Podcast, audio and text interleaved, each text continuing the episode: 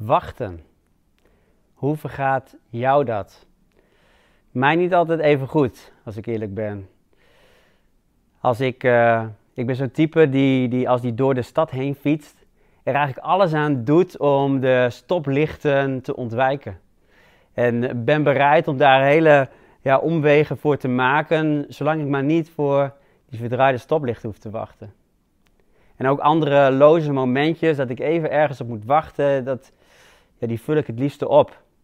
En dan pak ik zo snel weer naar mijn telefoon, vul ik mijn hoofd met, met wat afleiding of met wat nieuws. En nee, dat gaat mij niet goed af.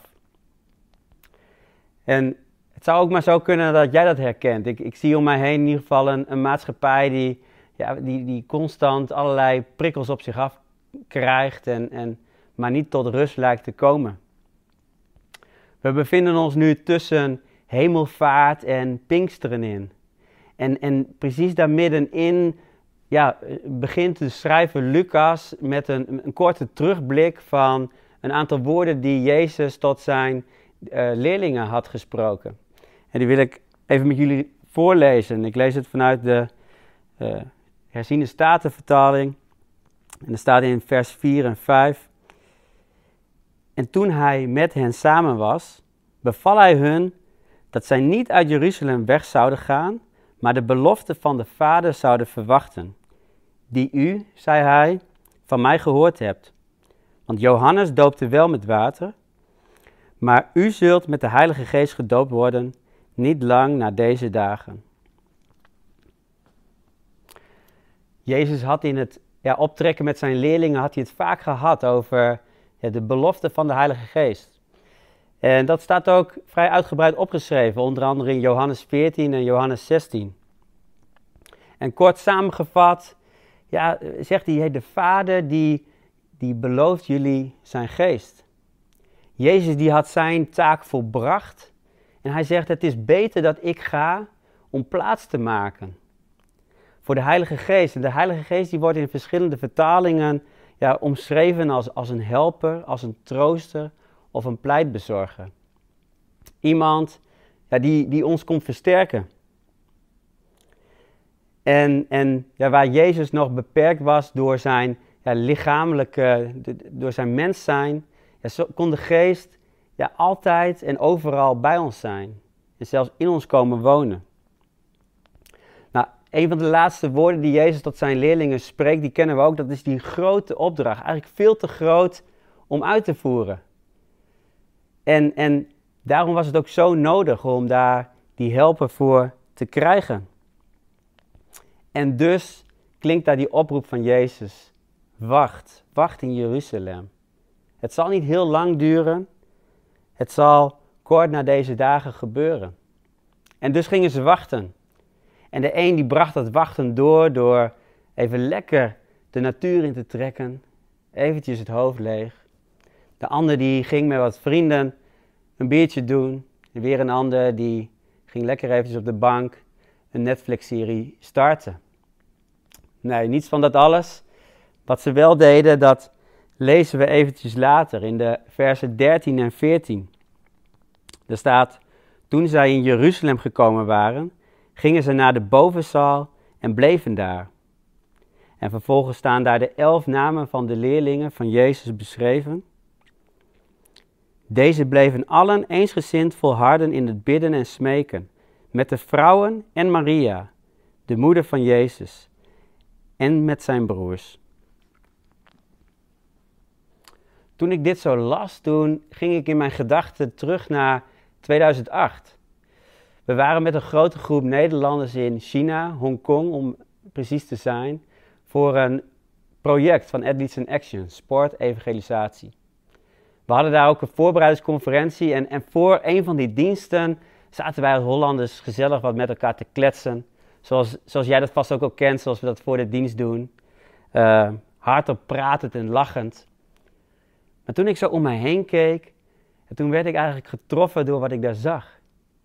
Ik zag daar tientallen, misschien wel meer dan honderd Aziatische christenen. Die zag ik daar op hun knieën, zichtbaar geroerd en, en toegewijd in gebed. En dat confronteerde mij. het confronteerde mij met mijn houding die eigenlijk pas geactiveerd werd wanneer dat ja, vanaf het podium werd, ja, werd aangegeven of wanneer het officiële programma begon. En, en, en op, op een gelijke manier als wat ik daar aantrof, ja, zie ik hier de, de leerlingen niet, niet passief wachten totdat die belofte zou gaan komen, maar ze benutten hun tijd anders. En er zijn een paar dingen die ik daar even uit wil, ja, uit wil lichten. En het eerste wat er staat is, ze gingen naar de bovenzaal en ze bleven daar. Deze paal die wordt nu opgenomen in het huis van gebed, een, een plek waar ik eerlijk gezegd al, al enige tijd niet meer geweest ben. En, en waar die leerlingen een, een, een bezoek brachten en daar bleven, ja, dat, dat was niet even kort, eventjes om de hoek kijken, eventjes aansluiten bij de bidstond of nieuwsgierig hoe mooi die ruimte van het huis van gebed eruit ziet. Nee, die, die bovenkamer, dat werd hun verblijf. Die plek van afzondering werd hun basis. Eigenlijk net zoals we dat bij Jezus zagen, dat, dat Jezus zeer geregeld en waarschijnlijk elke ochtend zich terugtrok en, uh, en naar de berg ging om tijd met zijn vader door te brengen. Zo ja, creëerden zij ook ja, deze plek als hun basis. Wat verder mij opviel was dat de staat zij bleven allen eensgezind volharden in het bidden en smeken. In de MBV staat ze waren vurig en eensgezind. Hier gebeurde iets. Dit was niet gewoon een activiteit. En, en ze, ze hadden niet eens eerst een aanbiddingsteam die hun een half uur lang met, met, met muziek naar de troon van God leidden. Er waren geen lichten of, of rookmachines. Het was heel klein, heel puur. Het was een handjevol toegewijde christenen die allen hetzelfde verlangen hadden.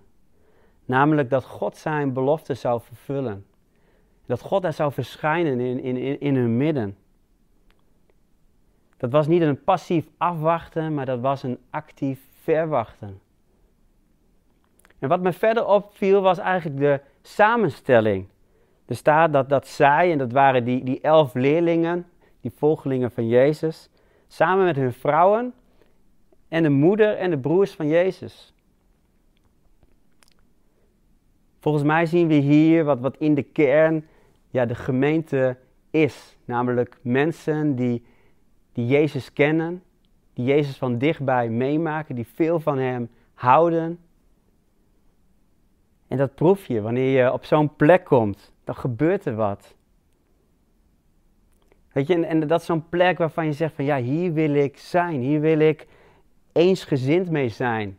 Hier wil ik door aangevuurd worden. En ik, ik besef me dat ik ontzettend gezegend ben met een, met een aantal van dat soort mensen in mijn omgeving. Dat ik een stel vrienden heb die ook gewoon het verlangen hebben om Gods koninkrijk te bouwen. Dat ik een aantal broers heb die, die vol van van de Heilige Geest zijn en vol van geloof.